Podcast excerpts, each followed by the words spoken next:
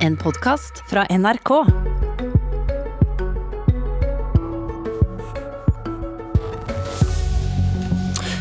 Kan Senterpartikløveren vokse inn i himmelen? Hva skjer hvis de blir det største partiet på rød-grønn side? Eller har Trygve Slagsvold Vedum nå mange velgere kun til låns?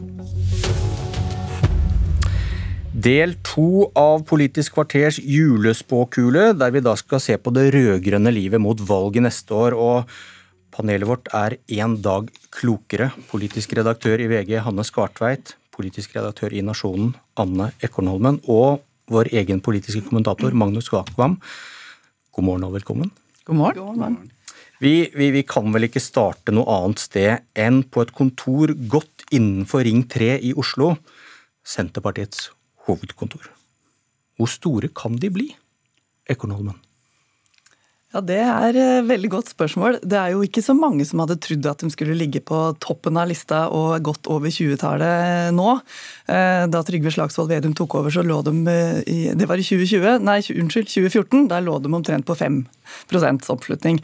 Eh, og jeg tror nok den veksten har vært overveldende og til dels overraskende også for dem. Til tross for at det har vært en konsekvent og konsistent jobb de har gjort i opposisjon. Så så, tror jeg nok de ligger på et nivå som de ikke helt hadde sett for seg sjøl. Da sier jeg som jeg sier til politikere noen ganger, nå svarte du ikke på spørsmålet. Hvor store kan de bli? Jeg tror de kan bli litt større, eh, men jeg tror ikke det er ubegrensa eh, oppover. Nei, det tror jeg ikke. Hva tenker du, Skartveit? Jeg har ikke tenkt å svare på spørsmålet ditt. For jeg hadde aldri forutsett at de skulle havne på 20% sånn at jeg tør ikke å si noe om hvor høyt de kan komme heller. Magnus Takvam, eh, jeg sa i starten her noe om at han kan ha velgere til låns, og det var egentlig stjålet fra ditt mm. hode. Hva, hva, er det du tenker på? Nei, det er jo flere som har pekt på det, at eh, en del av tilveksten til Senterpartiet kommer fra hjemmesitterne, fra folk som eh, har sittet på gjerdet, og også det faktum at de får velgere fra veldig mange forskjellige partier på hver side av streken. Eh, I sum så gjør det at man er eh, sårbar for at de kan på en måte enten ikke stemme likevel, eller eh, sige litt tilbake til sine vante partier. Men det, altså Senterpartiet kommer til å gjøre et veldig godt valg. Eh, spørsmålet er bare eh, hvor godt. Men jeg føler at de politiske lovene for tiden er, er liksom snudd opp ned. Så å, driste seg til å spå på desimalen er liksom håpløst, rett og slett. dumt spørsmål fra programleder der i starten. Eh, men hva, det ble snakka litt om hva vil, hva vil skje med Senterpartiet hvis de fortsetter å være så store? inntreffer annen dynamikk i virkeligheten på Trygve Slagsvold Vedum da, det neste halvåret?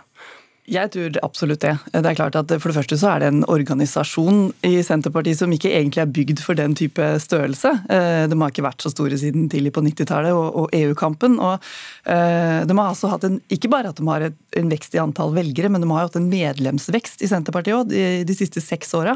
Sånn at eh, det er jo en organisasjon som bygger seg større.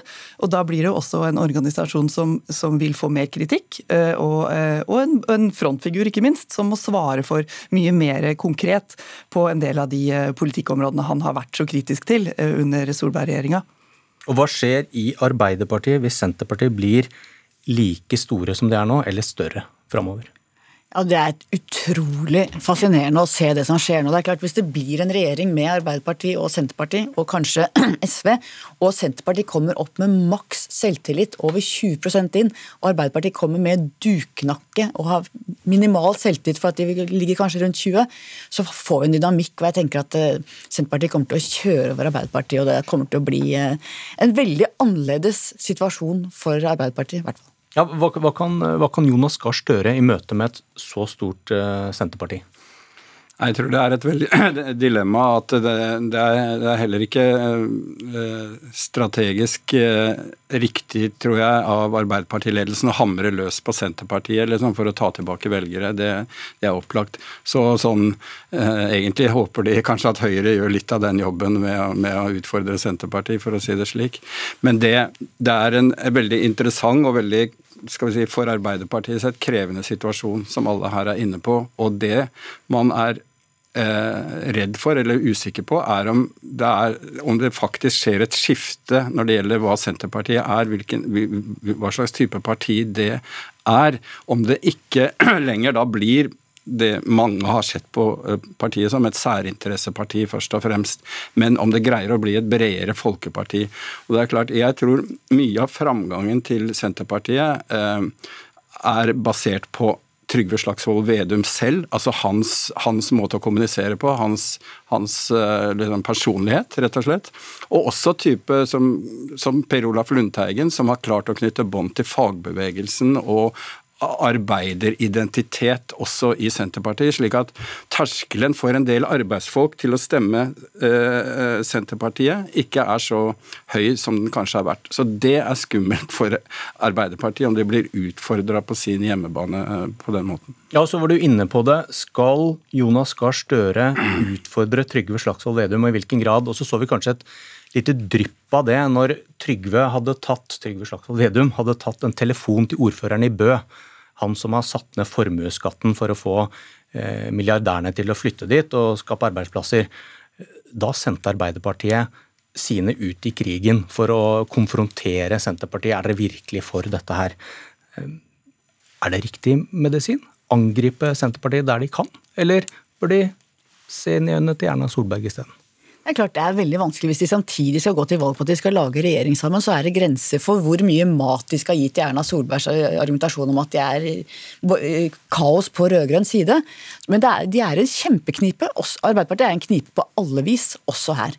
Hva tenker du, Enkopp Jo, jeg tror at uh, Arbeiderpartiet kommer nok til å svare på eh, konkrete eh, angrep da, eller utspill fra Senterpartiet, det, det, det må de eh, for å holde, liksom, holde på sin grunn. Men, men, å gå i noe aktive motangrep, altså, det gjør de ikke. Og de vet jo veldig godt at Senterpartiet er de som nå flytter velgere over streken fra Høyre over til det som da formodentlig for dem kan bli eh, et samarbeid. Sånn at eh, Arbeiderpartiet må jo holde seg på en måte sjøl i tømmene her, og, ikke gå for hardt ut, men samtidig svare og vise fram seg sjøl i de viktigste situasjonene. Det er klart at eh, mye, Hvis vi tar EØS-motstanden uh, som et eksempel, altså Senterpartiets programfesta uh, syn på det, og for så vidt SV, så, så, så, ser vi jo at Erna Solberg bruker nettopp det som, som et angrepspunkt mot en, en rød-grønn koalisjon. ikke sant? At nei til EØS-partiene kan få veldig stor tyngde. Men samtidig vet ikke sant, det der må åpenbart Arbeiderpartiet da i denne sammenheng sette ned foten og markere at det er uaktuelt for, for en regjering med dem i å, leke med, med, tanken på det. Men det gjør også De skaper et problem for Trygve Slagsvold Vedum, tross alt. Fordi han også vet at dette kommer aldri til en ny regjering til å gjennomføre, og da blir kommunikasjonen hans litt, litt krevende. Så det er i den typen debatter eh, tror jeg da Senterpartiet kommer til å, til å slite litt framover, eh, tross alt. Ja, samtidig som jo Slagsvold Vedum vet at når han har så mange nye velgere, så vil veldig mange av de også være tilhengere av EØS-avtalen. og Det har også målinger vist. Så det er ikke så lett for han å kjøre de beinharde sakene heller retorisk, for da mister han også velgere. Vi snakket om i går Erna Solberg sitt uh, vanskelige innsalg. Hvordan skal hun sannsynliggjøre at uh, Venstre og KrF på den ene siden og Frp skal tilhøre igjen samme blokk og presentere felles politikk? Hvordan ser den utfordringa ut for Jonas Gahr Støre og Trygve Slagsvold Vedum? Det er eh, selvfølgelig. Det er ikke noe eh, lett vei eh, på den sida heller. Men det er klart at akkurat nå de siste målingene så har jo Arbeiderpartiet og Senterpartiet sammen da vært så store at det er ikke så viktig å tenke på så mye på de små. De får du med seg SV nå, så har de jo et veldig solid og godt flertall på Stortinget. Da trenger man ikke å tenke så mye på Rødt og MDG. Men, men det er klart dette vil forandre seg gjennom valgkampen og framover nå. Kanskje vil ikke Senterpartiet holde seg så høyt. Kanskje vil noen av de andre bli større. SV ligger vel akkurat nå sånn rundt 9% og kan jo sånn sett bidra inn i et trepartssamarbeid. Da. Eh, men, men, det er jo ikke noen sånn lett vei eh, for noen, og i hvert fall ikke for noen fempartiregjering på den sida. Det er vel helt uaktuelt. Og ropet om rød-grønt kaos blir vel høyere og høyere hvis disse målingene skulle vise at de trenger flere enn SV, f.eks. MDG, f.eks. Rødt. Hva skjer da? Ja, Det er klart, det er også et angrepspunkt fra både Frp og, og uh, Høyre. De viser ofte f.eks. til Oslo og, og uh, Miljøpartiets innflytelse der, og, og, oversetter det til nasjonalpolitikk og vil skremme liksom mer moderate både Senterparti- og, og Arbeiderparti-velgere med det. Men den dynamikken som oppstår her er, på rød-grønn side med et så sterkt Senterparti, er eh, interessant ikke bare eh, i forhold til Arbeiderpartiet, men også i forhold til f.eks. For SV. Vi legger jo merke til at Jonas Gahr Støre inkluderer SV i, i, i sin beskrivelse av en kommende rød-grønn regjering hele tiden, mens da Trygve Slagsvold Vedum ikke gjør det. Og det er klart, Jeg tror ikke SV går inn i regjering hvis styrkeforholdet er så Eh, så sterkt favør av et, altså en blokk av Arbeiderpartiet og Senterpartiet som, som er så massiv, og SV kanskje på 6-7% så vil de drukne og overlate arenaen til MDG og Rødt på, på venstresiden.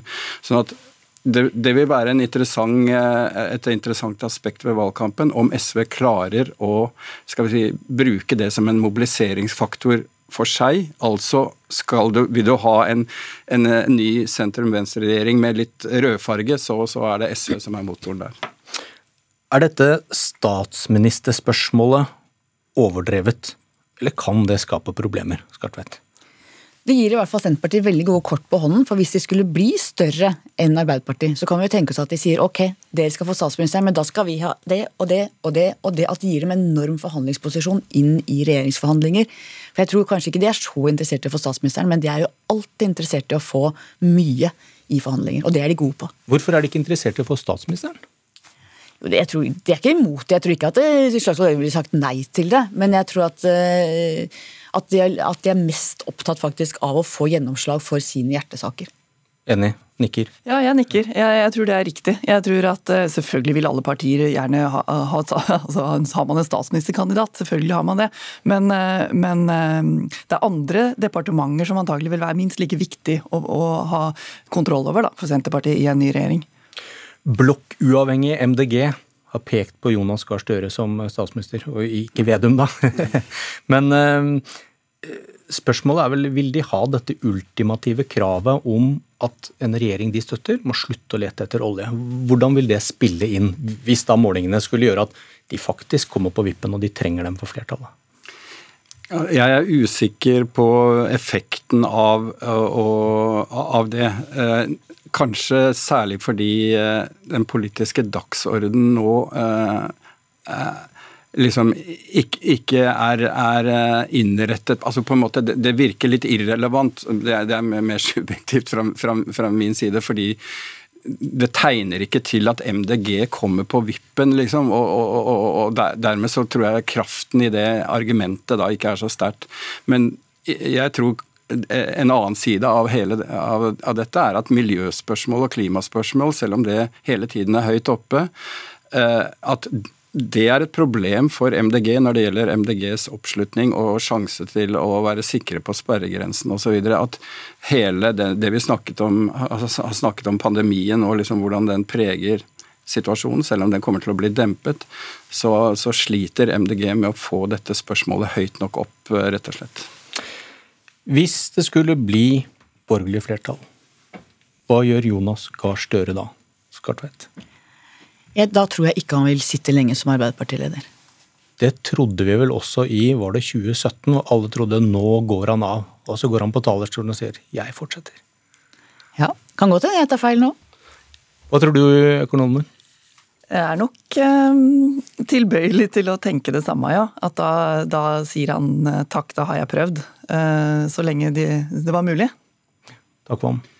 Ja, Det er jo det logiske, og at dette er hans siste sjanse til å bli statsminister, og da eh, henger alt på det. Men eh, Eh, som, som, alle også observatører har pekt på, så er det ikke så lett å se hvilken innvalgt Arbeiderpartirepresentant på Stortinget som da kan overta som partileder eh, etter han. Så det er usikkerheten ved det hele. Jeg ser liksom ikke noen opplagt eh, det er en del som da ikke sitter på Stortinget, som, som kanskje kunne tenkt, man kunne pekt på, men man må, en ny partileder må, må sitte på Stortinget, så det er ikke så enkelt å svare på. Anne Skartveit, Anne Ekornholmen, Magnus Takvam, tusen takk for innsikten, og godt nyttår. Godt nyttår. Godt nyttår.